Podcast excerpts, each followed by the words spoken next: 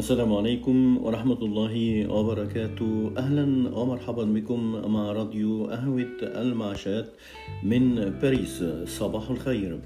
نقضي نصف العمر ونحن ننتظر لقاء من سنحبهم والنصف الآخر في وداع الذين أحببناهم.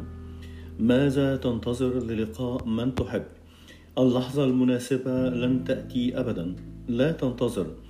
قد يطول الانتظار وتنضم إلى النصف الآخر الذي يودع الآخرين.